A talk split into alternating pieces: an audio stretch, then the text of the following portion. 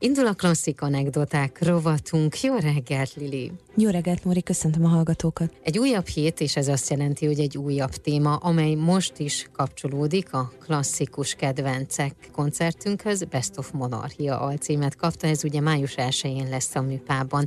Ígértük a hallgatóinknak, hogy azok a zeneszerzők, illetve azok a művek, amelyek ott elhangoznak, arról egy picit többet fogunk beszélgetni. Így lesz ez Bartók, román népi táncok. Ez lesz az a darab, ami el fogott hangozni, de így akkor Bartók Béláról, valamint a román népi táncokról is egy picit bővebben mesélsz most a hallgatóknak, meg nekem is, és én ezt mindig nagyon kíváncsi vagyok, hogy mi az az információ, amit hozol vele kapcsolatosan. Ugye Bartókról már beszélgettünk ebben a műsorban a Kossuth szimfóniája kapcsán, és hát nagy vonalakban Bartókról még annyit mindenképpen érdemes elmondani, hogy 1881. március 25-én született, ez talán lehet egy évforduló, amihez kapcsolódunk visszamenőlegesen. Temes megyében született ő egyébként Nagy Szent Miklóson, és hát csoda gyerek volt ő is, ahogyan olyan sok más zeneszerző, akiről beszéltünk. Édesanyja tanított először zongorára, és az első koncertjét is a saját kompozícióiból tizenévesen adta, szóval tényleg fantasztikusan tehetséges volt. A Zeneakadémiára járt és tanított is, és hát népdalgyűjtő és rendszerező körútjairól is ismert.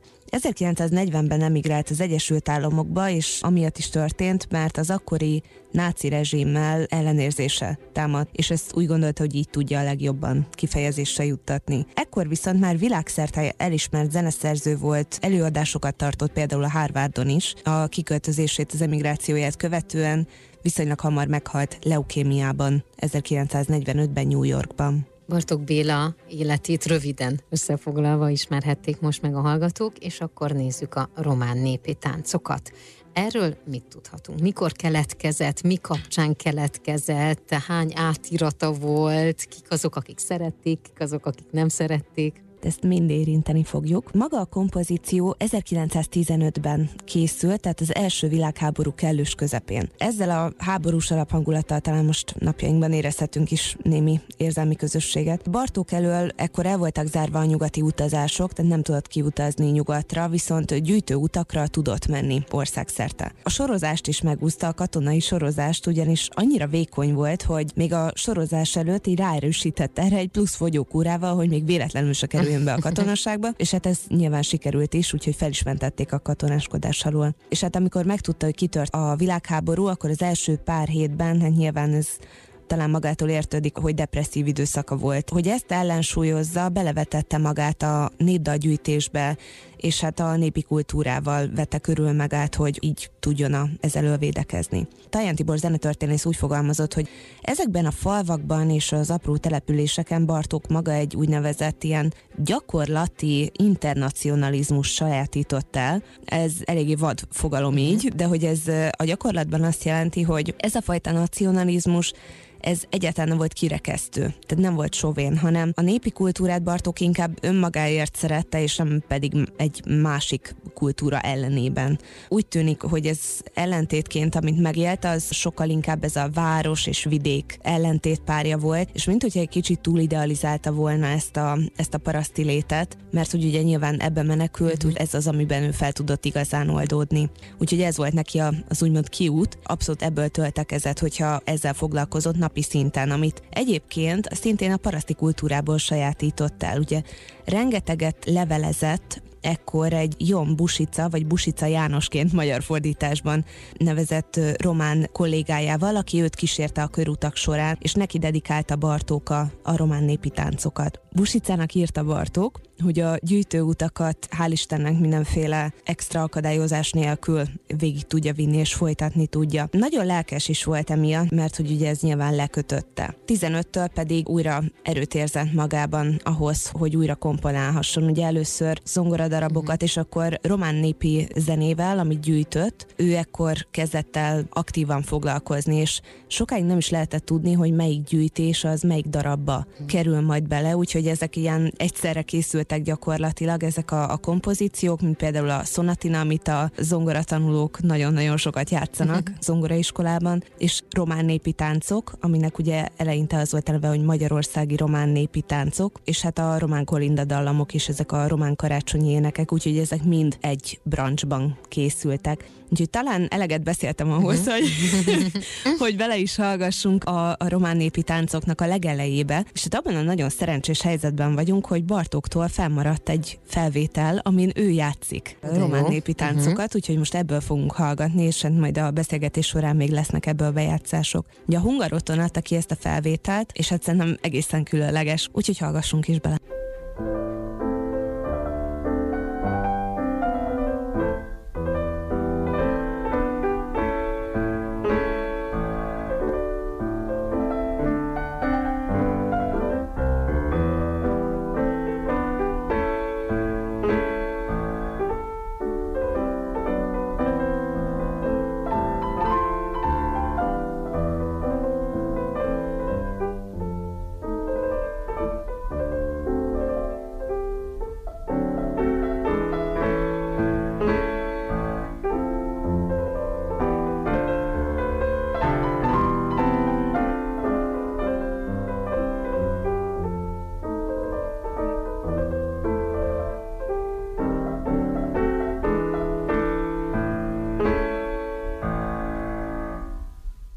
Bartók Béla a Román Népi Táncok című művéből hallhattunk meg egy részletet, ami most kifejezetten különleges volt, hiszen maga Bartók Béla játszott. Elkészült ugye a zongora változat 1915-ben. Utána mi lett a sorsa ennek a műnek? A román népi táncok hihetetlenül népszerűvé vált, de ezt feltételezem, hogy azért volt, mert hogy nagyon sokféle átirat készült belőle. Ugye 15-ben mm, elkészült maga a zongora változat. Készített Bartók egy kis zenekari változatot is, két évvel később, 1917-ben, illetve létezik még egy hegedű zongora átirat is, uh-huh. amit Székely Zoltán Bartók Béla kortársa egy fantasztikusan tehetséges hegedűművész készített. A kizenekari változatot egy évvel később mutatták be, 1918-ban, és ez kb. egy ilyen 6 perces darab, amit most hallani fogunk, és ebből fogunk ugye majd egy kicsit több részletet meghallgatni, és ugye a beszélgetés végén pedig az egész kompozíciót. A hangszerelésről, erről a kizzenekariról azt érdemes tudni, hogy vonósok vannak benne, két fuvola, egy kis fuvola, két klarinét, két fagott és két kürt. Vegyük akkor gorcsú alá ezt a művet, és szedjük darabjaira, hogy aztán utána összeálljon egy egész belőle. Ugye, ami jellemző volt erre a román népdalgyűjtés csokorra, és hát különösen erre a, a román népi táncokra, és erről már szintén beszéltünk, hogy a suite formába pakolta bele Bartók Béla ezeket. Ez ugye azt jelenti, hogy kis formákból alkotta meg ezt az egész kompozíciót. Tehát, hogyha megnézzük a kompozíciót, akkor nagyon élesen el tudjuk különíteni a valóban kis tételeket. Kompozíció maga ez öt tételből áll, viszont hat népdal feldolgozás jelenik meg benne, ez a gyakorlatban azt jelenti, hogy az ötödik tételben van kettő uh-huh. és akkor ezzel zárul. Az első tétel, amit már Bartók előadásában meghallgathattunk, ez egy bot tánc volt. Azt jelenti, Bartók azt a feljegyzést írta, hogy általában egy fiatal legény járja, aki állítólag akkorákat ugrik, hogy belerúg a mennyezetbe. Magát a dallamot mezőszabadiból gyűjtötte egyébként Bartók, két cigánytól. Hallgassunk most még egyszer meg ezt a tételt, ezúttal Kocsis Zoltán vezényli Nemzeti Filharmonikusok zenekarát.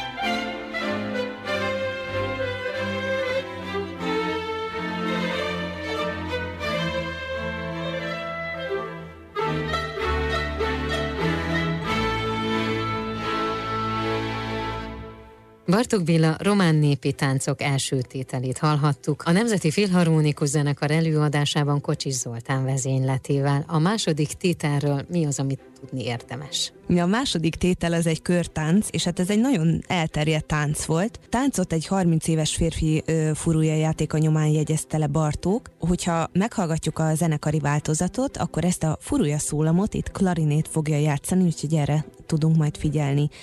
Magát a, a dallamot Bartók ilyen graciózónak érezte, ez azt jelenti, hogy nagyon kecsesen, kedvesen kell játszani. És hát ezt most hallgassuk is meg nagy zenekari változatban, szintén Kocsi Zoltán vezényli a Nemzeti Filharmonikusok zenekarát.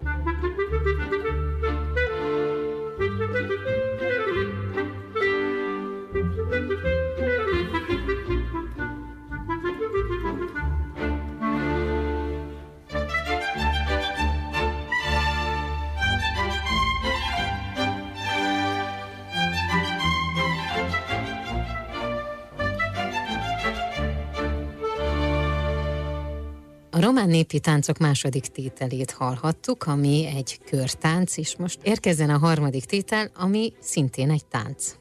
Személy szerint nagyon szeretem ezt a darabot, mert az ember szinte ott érzi magát a helyszínen, és ezt, hogyha hallgatjuk a részleteket, akkor, akkor szerintem ez abszolút átjön. Ez a harmadik tétel is ezt a hangulatot hozza vissza, ez egy nagyon érzelmes, nagyon játékos, és igazából hihetetlenül sok oldalú az egész darab, és hát ugye a harmadik tétel is, ami szintén egy tánc, egy elképzelt lassú tétel, és hát feltehetően ugyanattól a fúvóstól gyűjtötte ezt a népdalt Bartók. Ez egy topogó, egy olyan tánc, amit ketten járnak, a legény a saját csípőjére, és a lány pedig a férfi vállára helyezi a kezét, és egy helyben mozognak, egy helyben járják ezt a táncot. Ebből most a kamera változatot hallgatjuk meg, ugyanis Szikely Zoltán üveghangokra írta át ezt a furúja dallamot.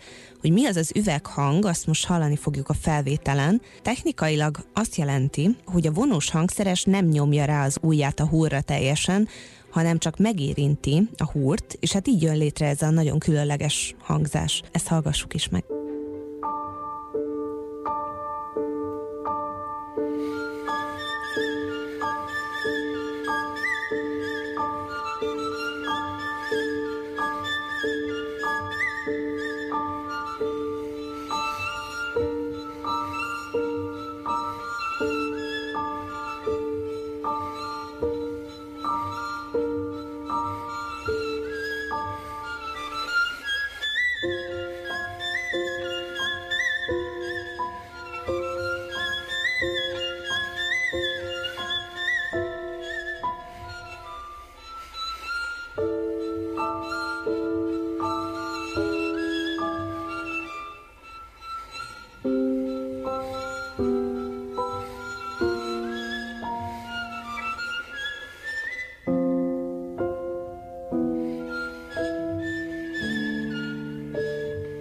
Bartók Béla Román Népi Táncok című darabját ismerik meg, most egy picit ismerhetik meg most egy picit jobban. Ugye az első, második és a harmadik tételről már sok mindent beszéltünk, és ugye egy-egy részletet meg is hallgathattunk, de akkor jöjjön a negyedik tétel. Ez honnan származik? Ez a tétel Bucsumból származik, ezt most a Google Maps-en meg is néztem, mert ötletem sem volt, ez Brassó megyében található. A mai napig létező, hát pár utcás település, úgyhogy egészen hihetetlen, hogy Bartók ilyen helyekre jutott el. Maga a tánc, amit gyűjtött, ez, ez egy háromnegyedes lüktetésű tánc, és szintén egy cigányhegedűstől gyűjtötte fel ezt a dalamot Bartók. Az ötödik tétel az egy román polka, ennek pedig egy egészen izgalmas ritmikája van, ugyanis a páros és a páratlan ütemek váltogatják egymást. Kró György zenetörténész azt mondta erről a tételről, hogy gyakorlatilag ez a legizgalmasabb tétel ritmikailag az egész darabból, úgyhogy ezt hallgassuk meg most ezúttal szóló zongorán.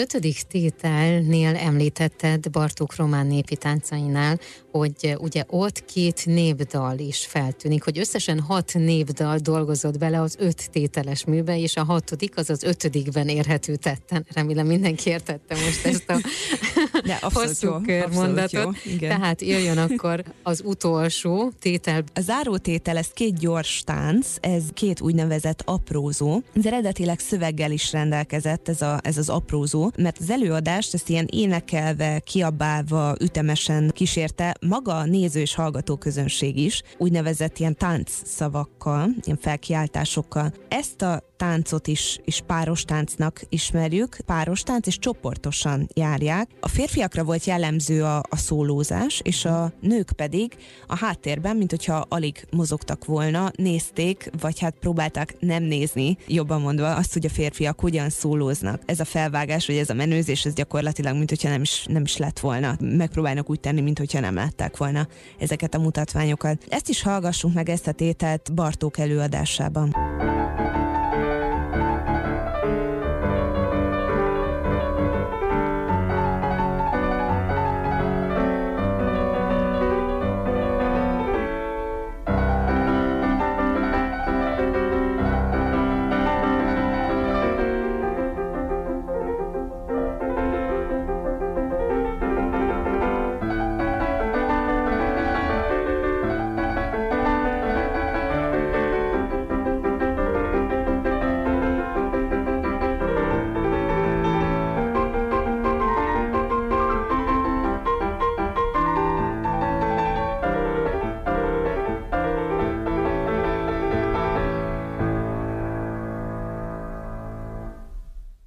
Bartók Béla a Román Népi Táncok című művét szedtük szét, raktuk össze, és rengeteg információt tudhattak meg az elmúlt percekben. Hogyan lehet értékelni ezt a művet Bartók életművében? Ez az egyik legnépszerűbb darabja. Ebben hatalmas szerepe volt nyilvánvalóan annak, hogy, és, és hát ezt már mondtam is, hogy mennyiféle átirat készült belőle. Ugye elsősorban elkészítette a szólózongora kompozíciót, ezt követte a kiszenekari átdolgozás, illetve a kamara. Én azt gondolom, hogy azért egy mű népszerűsége az, az abszolút attól függ, hogy hányszor, hányféleképpen, hogy hogyan tudják ezt előadni, és hogy milyen platformokon. Valószínűleg ez is, ez is növelte ennek a, ennek a darabnak a népszerűségét. És hát még egy átirat létezik, még egy nagy zenekari átirat is létezik. Ezt 1943-ban, tehát a darab elkészülte után csak nem 40 évvel, Ormándi Jenő készítette el, és ezt viszont Bartók nem engedélyezte engedélyezte. Ez nem feltétlenül azért nem engedélyezte, mert az átirat maga nem lett jó, uh-huh. hanem kicsit összetettebb volt itt a probléma, ugyanis Ormándi akkor már régóta elismert karmester volt Amerikában, az Egyesült Államokban. Bartók gyakorlatilag megorrolt rá, mert a nagyszabású zenekari műveit, más nagyszabású zenekari műveit pedig nem adta elő Ormándi, és hát szinte magából kikelve írta egy levélben, hogy hát nem érti azt a lelkesedést, hogy miért éppen ezt a jelentéktelen, és ezt a szót használta, miért ezt a jelentéktelen kompozícióját kapta föl a világ. Nem hm. értette. Uh-huh. És hát pedagógiai szempontból is van ennek egy talán fontos vetülete a román népi táncoknak. Erre Talján Tibor is kitért, hogy ezek a sorozatok, amiket addig Bartók komponált, például a gyermekeknek, ezt is zongorázni tanuló gyerekek csak nem mindegyike játsza itthon. Ennek a gyermekeknek sorozatnak a, a kiegészítője lehet ez a román népi táncok. Bartók valószínűleg ebben a háborús helyzetben egyfajta diplomáciai szándékot is elrejthetett ebben a műben és ennek a kiadásában, ugyanis már érezhető volt a, a háború, az első világháborúnak az a feszültsége, ami, ami ugye később Trianonnal meg is jelent. Népdal feldolgozásokat egyébként még továbbiakat is írt, énekhangra, zongora kísérettel és hát zongora darabokat is, viszont a háborús nyomás, amiben, amiben ő ekkor volt, ez, ez megjelent a későbbiekben is. Magyarországon van-e olyan zenetörténész, vagy olyan író, olyan tudós, olyan kutató, aki Bartók Bélának az életművével behatóan foglalkozik? Van, van, abszolút. Most egy kis könyvajánlót, hogyha a hallgatók megengednek, mert szerintem akit érdekel, annak, annak ez nagyon hasznos lehet. Aki részletesen kíváncsi Bartók Béla életére, annak nagy szeretettel ajánlom a már említett Taján Tibor életrajzi könyvét. A könyv címe pedig a szerző neve maga, Bartók Béla. Ugyan tudományos igényel van megírva, mégis élvezhető azok számára is, akik nem feltétlenül ezzel a igényel nyúlnak a könyvhöz, és hát ami még szerintem egy nagy plusz, nagyon sok illusztráció van benne, fényképek Bartókról, magánszférájáról, a, a karrierjéről, és, és hát a kéziratairól is úgyhogy ezt, ezt nagy szeretettel ajánlom, illetve még aki a honlapokat szereti böngészni, annak pedig a Zenetudományi Intézet Bartók archívumának a, a honlapját ajánlom. Ez folyamatosan frissül, és itt például betekintést nyerhetünk abba is, hogy milyen műhely munka folyik akkor, hogyha, hogyha egy zeneszerző életét akarják a kutatók feldolgozni, úgyhogy találunk itt adatbázisokat, a Bartók Béla összkiadás munkálatait, úgyhogy szerintem ezt érdemes megnézni. Ez a bartók.zti.hu alatt is elérhető.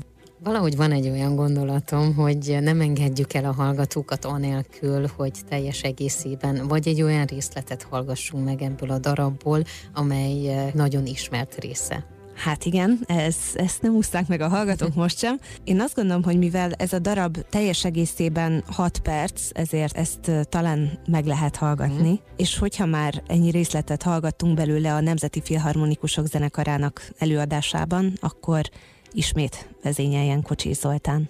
Köszönöm szépen. Én is köszönöm. Mindeközben pedig ezt ne felejtsék el, hogy május 1-én várunk mindenkit a klasszikus kedvencek Best of Monarchia koncertünkre a Műpa Bartuk Béla Nemzeti Hangversenytermében.